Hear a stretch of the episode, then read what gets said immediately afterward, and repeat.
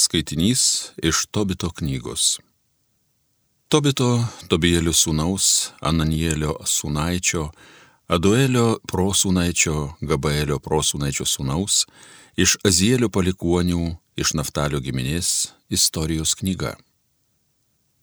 Asirų karaliaus Zalmanasaro dienomis jis buvo išvestas nelaisvien iš Tibės, vietovės į pietus nuo Naftalio, Kadešo aukštutinėje Galilėjoje aukščiau į vakarus nuo Hocaro, į šiaurę nuo Šefato. Kalba Tobitas. Valdant Azarhadonui, aš pargrįžau į savo namus ir man sugražino žmona Ana bei sūnų Tobiją. Per mūsų sėkmines, savaitinės šventes, buvo parengtas geras pokylis. Aš atsisėdau valgyti. Man dalyjo valgius ir nešė visokius patiekalus. Tada aš tariau savo sūnui Eik vaikeli ir radęs ką iš Ninivėn išvestųjų mūsų brolių, stokojantį, kuris ištikimo širdies, parvesk čionai, kad jis dalyvautų mano vaišėse. Žiūrėk, aš laukiu tavęs, vaikeli. Taigi Tobijas išėjo ieškoti varguolių tarp mūsų brolių, bet grįžo ir tari, tėveli. Aš atsiliepiau, na ką vaikeli. Jis pranešė, tėveli, Vienas iš mūsų tautiečių yra nužudytas. Jis buvo pasmauktas, paskui į turgaus aikštę išmestas, tenai ir tebeguli. Tuomet aš pašokau dar nieko nevalgęs, pakėliau nuo turgaus vyriškį ir nunešiau į vienus namus, iki nusileisant sauliai, kad tada jį palaidočiau. Paskui sugrįžęs aš nusiploviau ir savo duoną valgiau nuliūdęs. Prisiminiau pranašo Amoso žodžius apie Betelį Jūsų šventės gedulų virs, jūsų linksmybė raudų gėdojimu. Ir aš apsiverkiau. Saulė nusileidus aš nuėjau, iškasiau duobę ir palaidojau mirusį. Kaimynai šaipėsi ir kalbėjo. Jis aną kartą turėjo bėgti, o štai jis ir vėl laidoja mirusius. Tai Dievo žodis.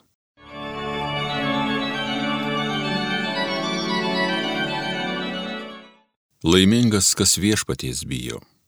Laimingas, kas viešpaties bijo, kas jo įsakymus myli. Jo ainiai bus žemėje galingi, teisingųjų kartai palaima. Jo namuose ištaiga dideli turtai, jo teisumas amžiais laikysis, jis nušvinta geriesiems lyg šviesa tamsybei, švelnus, gailestingas, teisingas. Laimingas, kas viešpaties bijo Laimingas, kas kito gailis paskolą duoda, kas reikalus tvarko teisingai, jam niekad netenka drebėti, minimas teisuolio vardas per amžius. Laimingas, kas viešpaties bijo. Alleluja, alleluja, alleluja. Jėzau Kristau, ištikimasis liudytojau pirmutinis prisikėlusis iš numirusių, tu mus myli ir nuploviai savo krauju mūsų nuodėmės. Alleluja,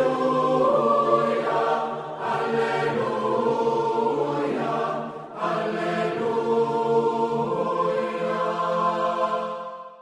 Pasiklausykite Šventojios Evangelijos pagal Morkų aukštiesiems kunigams, rašto aiškintojams ir seniūnams Jėzus pasakė palyginimą. Vienas žmogus įveisė vynuogyną, sumūrė jo aptvarą, įrengė spaustuvą ir pastatė bokštą. Paskui išnuomojo jį vynininkams ir iškeliavo į svetimą šalį. Atėjus metu jis nusintė pas vynininkus tarną atsiimti iš vynininkų savosios vaisių dalies. Tie pačiu po jį sumušė ir paleido tuščiomis. Tuomet jis vėl nusiuntė pas juos kitą tarną, o tie jį sužeidė į galvą ir iš ko neveikė. Jis pasiuntė dar vieną, bet tą jie nužudė ir dar daugelį kitų tarnų, kurių vienus jie primušė, kitus nužudė. Dar vieną turėjo mylimą jį sūnų. Jį nusintė pas juos paskutinį, sakydama savo, jie drovėsis mano sūnaus. Bet vynininkai ėmė tartis, tai įpėdinis, eime, užmuškime jį. Ir mums atiteks jo palikimas. ir nutvėrę nužudė jį ir išmetė laukan iš vynuogyno. Ką darys vynuogyno savininkas? Jis ateis, išžudys vynininkus ir atiduos vynuogyną kitiems. Ar neskaitėte, kas parašyta raštuose? Akmuo, kurį statytojai atmetė, tapo kirtiniu akmeniu. Tai viešpaties padaryta ir mūsų akims tai nuostaba kelia. Girdėjote viešpatie žodį.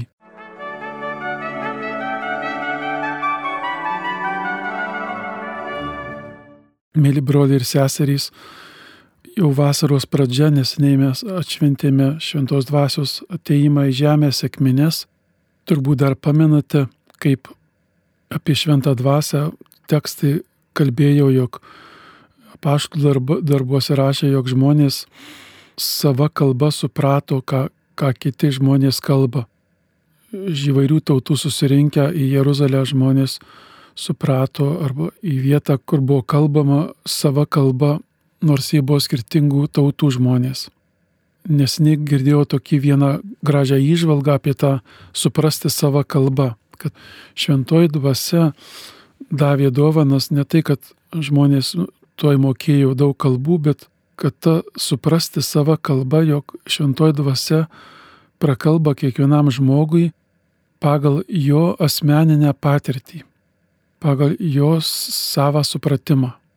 Kiekvienas mes turim kelionę savo gyvenimo su įvairia patirtimi ir ta sava kalba, pagal kurią mes galim Dievą suprasti, arba šintoji dvasia, kaip duoda mums suprasti amžinybę, meilę ir, ir, ir visus kitus įvykius pagal mūsų patirtį, pagal mūsų supratimą. Visi suprato savo kalbą, visi suprato ne kaip nors pagal kieno kito patirtį ar kito primetamą įvaizdį, bet pagal savo kelionę. Ir šiandien Evangelijoje Jėzus taip pat arba daugelį kartų jis kalbėdamas palyginimus kalba juos pagal to meto žmonių supratimą. Tiems aukštiesiems kunigams, rašto aiškintojams ir seniūnams Jėzus pasako palyginimą, kuris tuo metu Jeruzalė Izraelyje buvo labai aiškus, labai suprantamas, kas yra vienuogynas, kas yra spaustuvas, kai buvo išnuomojamas vienuogynas, kur reikėjo daug darbininkų ir taip toliau.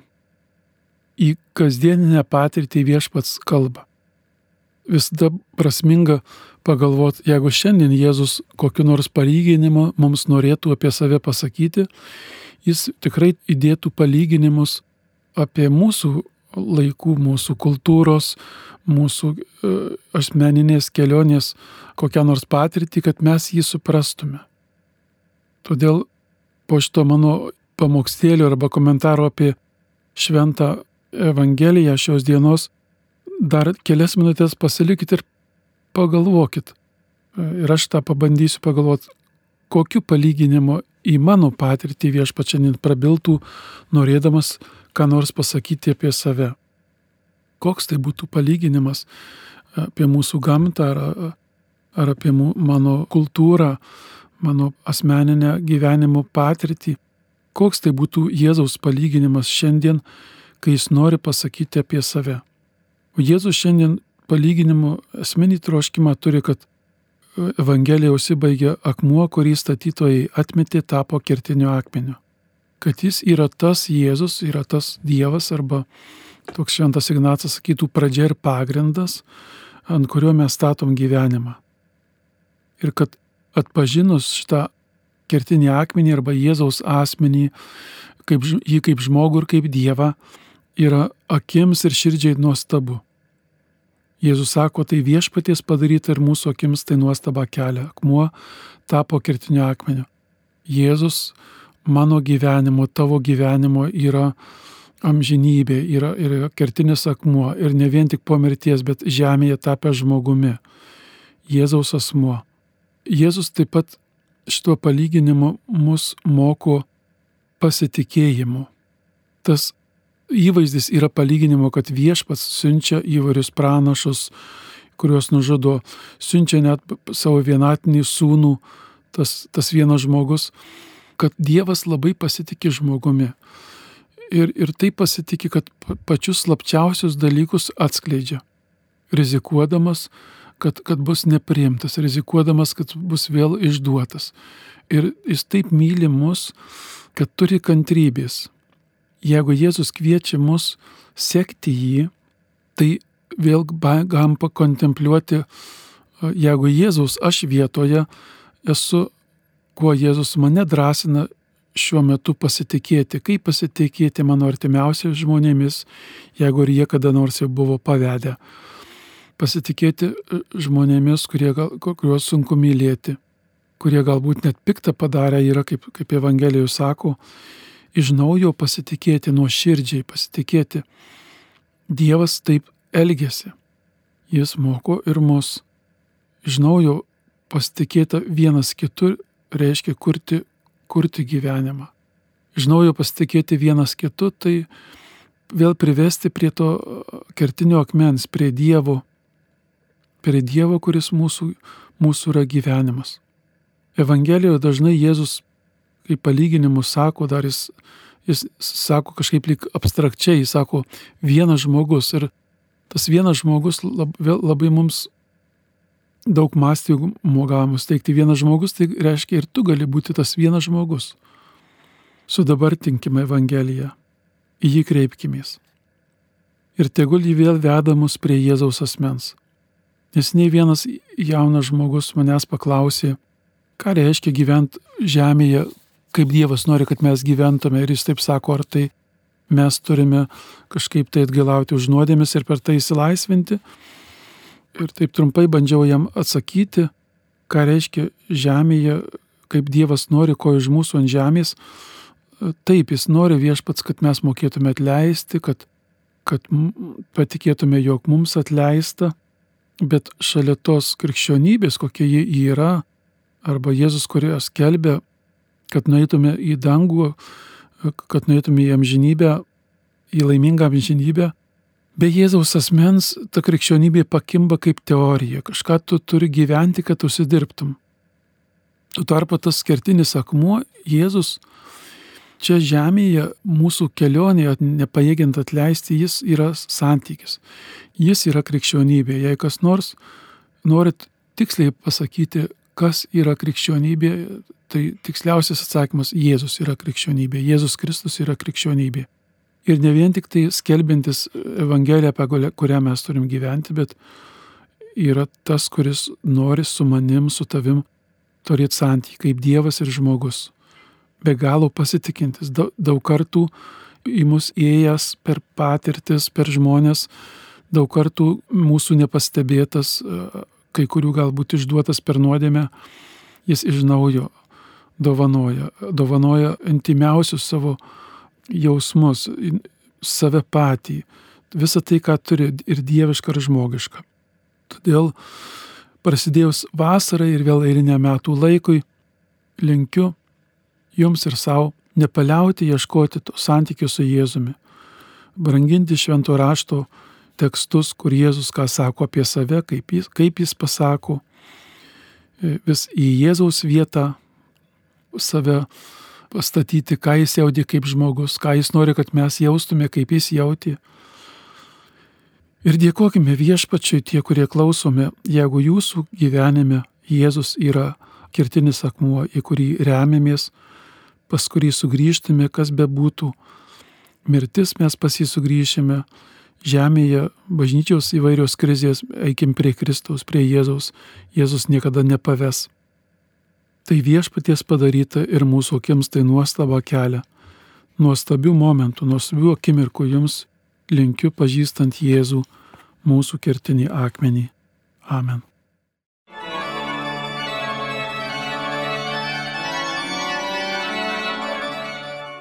Homilija sakė tėvas jėzuitas Aldonas Gudaitis.